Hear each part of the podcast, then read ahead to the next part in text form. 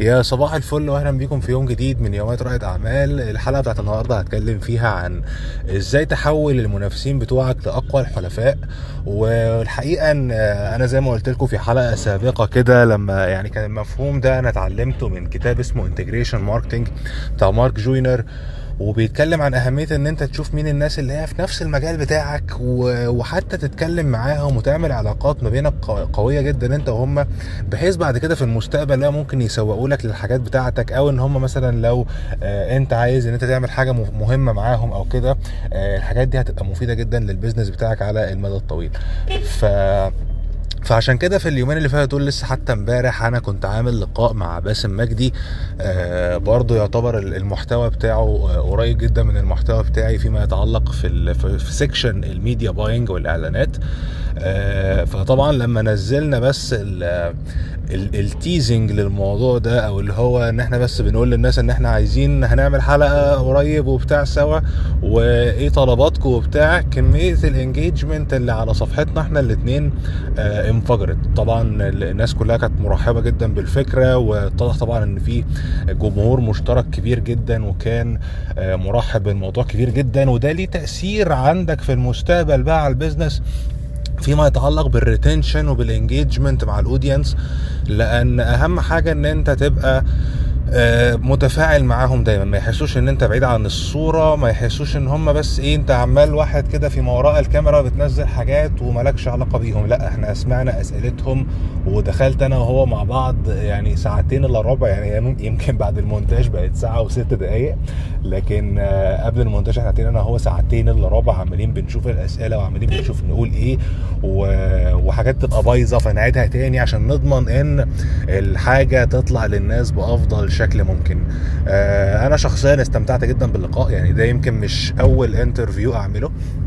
أنا عملت قبل كده مع جيهان في المغرب وعملت مع بن هيث في إنجلترا وباسم دلوقتي أهو في مصر و...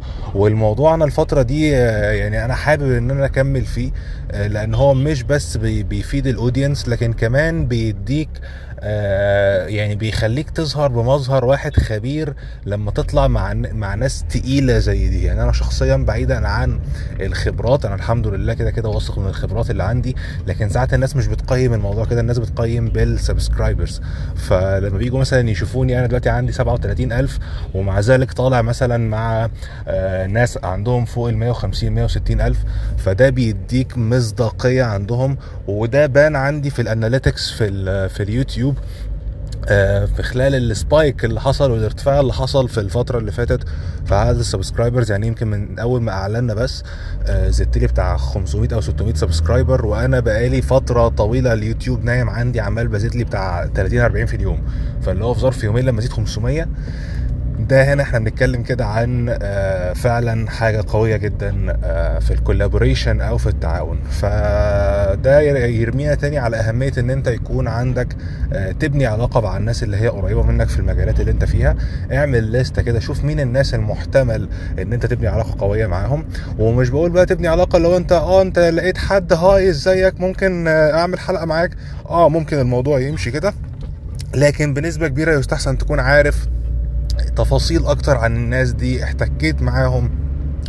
بقى في علاقة فعلا معاهم أنت اشتريت أحد برامجهم أو إن أنت علقت على ال social media عندهم إن أنت تواصلت معاهم على الرسائل وقدمت لهم value بشكل ما خصوصا لو في gap كبيرة شوية ما بينك وما بينهم آه لكن آه لازم تبني لستة بالناس دي وتشوف إزاي تقدر إن أنت تقرب منهم دي هتفرق معاك فعلا على ال long run بشكل ما تتخيلوش. آه لو ما شفتش الحلقة روح شوفها هتلاقي ده آخر فيديو عند باسم على القناة وهتلاقيني برضو منزله على الصفحة عندي آه على الفيسبوك. وابعتوا لنا كده آرائكم واقتراحاتكم في الموضوع ده على support@ascope.net متحمس أعرف آرائكم. وعايزين نكمل في ال collaborations ولا لأ؟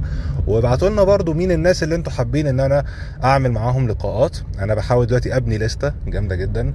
آه محمد تهامي أنا حاطه في ال list عندي وعايز أشوف في مين تاني كده آه ممكن أتكلم معاه. فابعتوا لنا آرائكم كده وإن شاء الله هاخد اللي أنتوا هتقولوه ده واحاول أتواصل مع الناس دي ونعمل برضو حلقات جامدة جدا. آه شكرا ليكم وأشوفكم إن شاء الله في حلقة جديدة من يوميات رائد أعمال.